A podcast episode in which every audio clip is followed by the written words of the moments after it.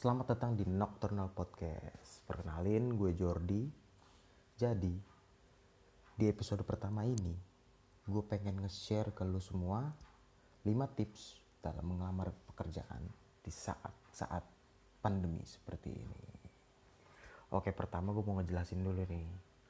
Podcast ini itu gue jadiin wadah untuk berdiskusi, bercerita, sama buat sharing sama lu semua. Jadi kali ini gue bakal sharing nih soal tips-tips ngelamar pekerjaan. Zaman sekarang kan susah tuh nyari kerjaan kan. Yang pengen kerjaannya banyak. Apalagi sekarang ditambah pandemi seperti ini. Makin sulit lah. Nah, karena lu yang pengen ganti kerjaan, lu harus berpikir dulu nih. Lu harus bersaing sama orang yang habis kena PHK. Dan juga sama orang yang baru aja lulus kuliah ya meskipun lulusnya tahun ini virtual tapi kan ijazahnya tetap sama bro. Nah yang ngebedain lu semua itu cuman pengalaman pekerjaan sama banyak dikitnya udah ngelamar pekerjaan. Oke jadi buat yang udah stuck banget nih dalam ngelamar pekerjaan tapi nggak pernah keterima atau dipanggil coba ambil pulpen sama buku lu. Oke langsung aja ke tips yang pertama ya. Tips yang pertama dari gue.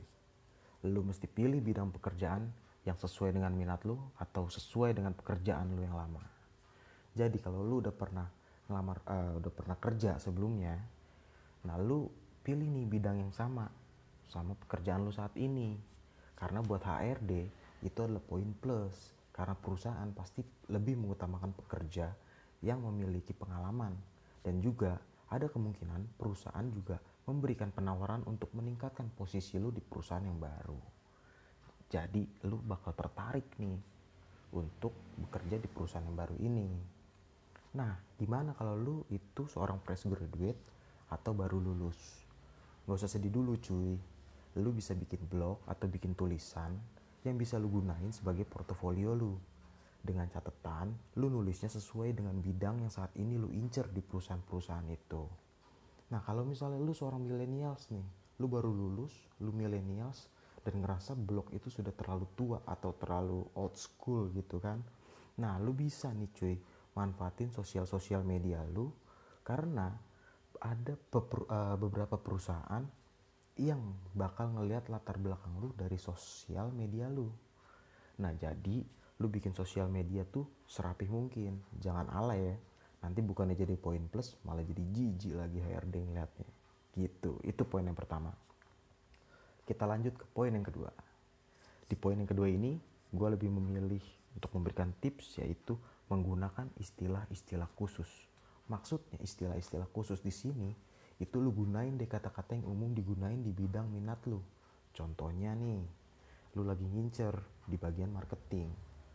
Berarti lu harus bisa tuh gunain istilah-istilah khusus di bagian marketing yang lu jelasin ke HRD.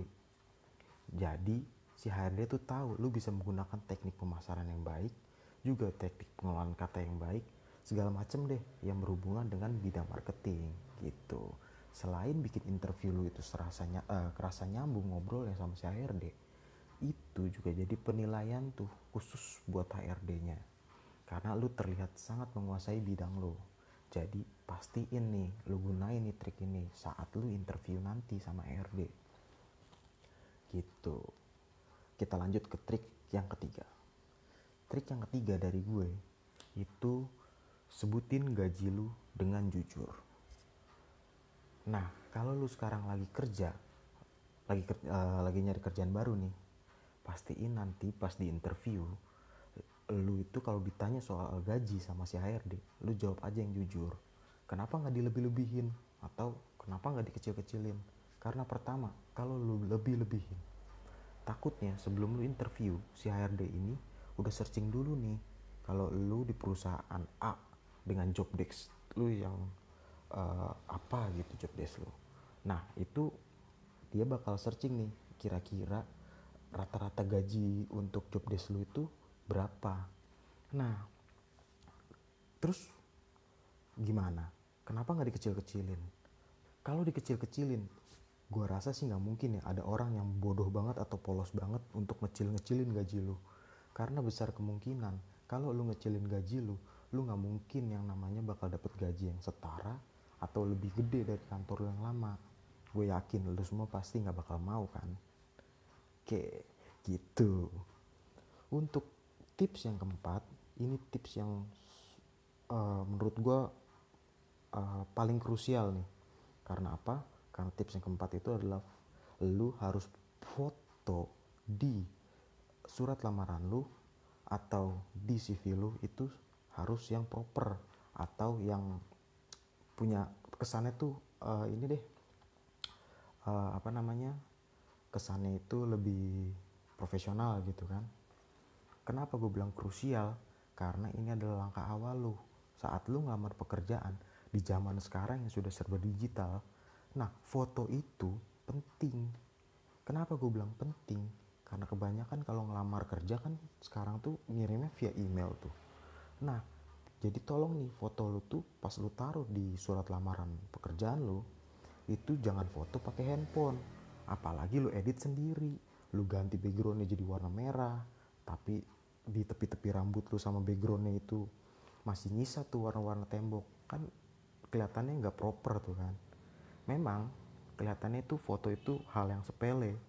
Tapi cuy, dari situ aja tuh udah kelihatan kalau misalnya HRD ngeliat uh, dari foto lu tampilan pertama ya kesan pertama yang didapat si HRD itu lu kelihatan effortless cuy. Jadi mending saran gua kalau lu pengen ngelamar pekerjaan lu ke studio foto lah. Paling cuma 20 ribu sih foto gitu doang kan. Ya masa beli rokok 25 ribu bisa kalau buat lu yang cowok nih kan bisa lah lu nyisihin 20 ribu dari uang jajan lu kalau misalnya lu masih dikasih duit jajan gitu. Atau nih ngenesnya lu cuman punya ngepas duit 25 ribu gitu. Ya udah puasa dulu rokoknya. Ya paling wakas-wakas dikit lah. Kayak beatnya Panji tuh. Gigi lu beradu abis makan kayak mesin tik. Nah oh iya satu lagi nih selain foto yang proper nanti pas lu interview pastiin lu dandan serapi mungkin. Buat lu lu nih yang cowok karena kan gue cowok juga kan. Kumis lu jenggot lu itu dicukur dulu lah. Rambut lu dipomet. Kalau misalnya gondrong dipangkas dulu pangkas dulu bro. Gunting dulu. Nah terus yang paling penting dari antara uh, di antara semuanya muka. Muka lu harus clean jangan kayak plastik bekas gorengan berminyak. Terus kemeja kemeja itu nggak spesifik harus polos sih. Belum mau pakai yang ada garis-garisnya boleh asal jangan pakai kemeja pantai. Kan kelihatannya nggak uh, profesional gitu kan. Kalau misalnya punya dasi lu pakai dasi. Jangan dasi kupu-kupu ya tapi ya. Nanti dikiranya mau kondangan lagi.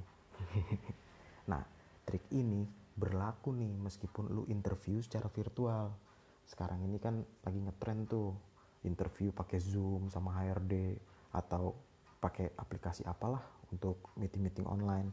Nah, biarpun suasananya itu lu ada di rumah, lu tetap wajib banget ngelakuin ritual ini. Biar HRD ngelihat lu itu punya effort buat melamar di pekerjaan meskipun interviewnya secara virtual gitu.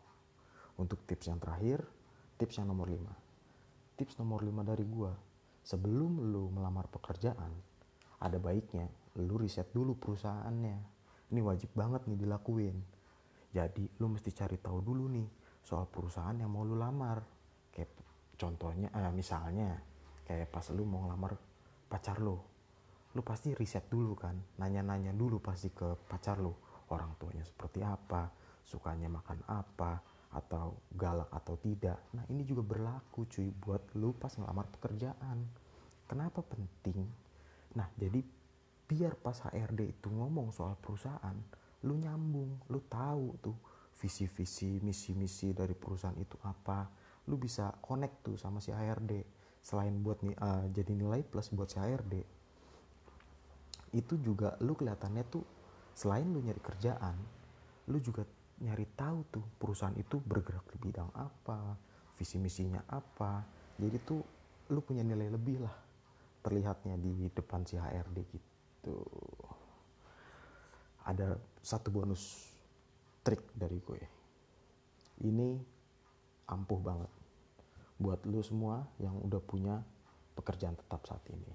Kalau yang belum punya, ini nggak ampuh sama sekali. Tapi kalau misalnya lu punya pekerjaan, please man, lakuin trik gue ini. Jangan sering resign. Kenapa gue bilang jangan sering resign? Padahal udah umum banget kan sekarang kalau misalnya gue ganti kerjaan atau resign untuk mencari jenjang karir yang lebih tinggi.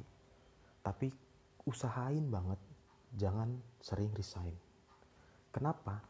Karena ini yang menjadi poin untuk si HRD pas nerima surat lamaran dari lu. Lu gak nyangka kan HRD bakal merhatiin hal kayak gini. Biarpun umum lu gonta-ganti kerjaan. Terus si HRD itu kan juga bakal jadi pertanyaan tuh. Pas lagi baca CV lu. Yang doi tangkep nih, lu gak loyal sama perusahaan. Jadi bisa jadi email lamaran yang udah diterima sama si HRD itu nggak jadi manggil lu buat interview. Jadi saran gua sekarang buat lu semua yang lagi uh, nyari pekerjaan tapi udah punya pekerjaan nih, itu coba lu cek dulu nih CV lu. Lu pikirin lagi deh, udah berapa banyak perusahaan yang udah lu tinggalin. Apalagi pas lagi perusahaan itu sayang-sayangnya banget sama lu. Ya gitu. Jadi intinya dari podcast ini jangan nyerah coba terus cari terus karena nggak ada yang namanya usaha itu ngianatin hasil. Apalagi buat lu yang masih fresh graduate. Peluang lu buat bekerja di perusahaan yang lu minatin itu besar banget kemungkinannya. Nah mungkin segitu dulu uh, podcast gue di episode pertama kali ini. Mohon maaf kalau misalnya masih kurang jelas atau masih kurang lengkap. Nah, kalau misalnya lu punya pertanyaan-pertanyaan, lu punya ide, lu punya saran atau kritik soal podcast ini, lu bisa langsung aja tanya gue di Instagram gue di @jordijevon. DM aja, tapi jangan nyepam ya, ntar lu kayak netizen lagi. Tangannya kan udah gabut, lu nyepam gue, aduh jangan ya. Paling gitu dulu ya bro, untuk episode kali ini. Semangat terus nyari kerjanya. Dan lakuin trik-trik dari gue. Kemungkinan besar lu bakal keterima. Oke? Cabut cuy.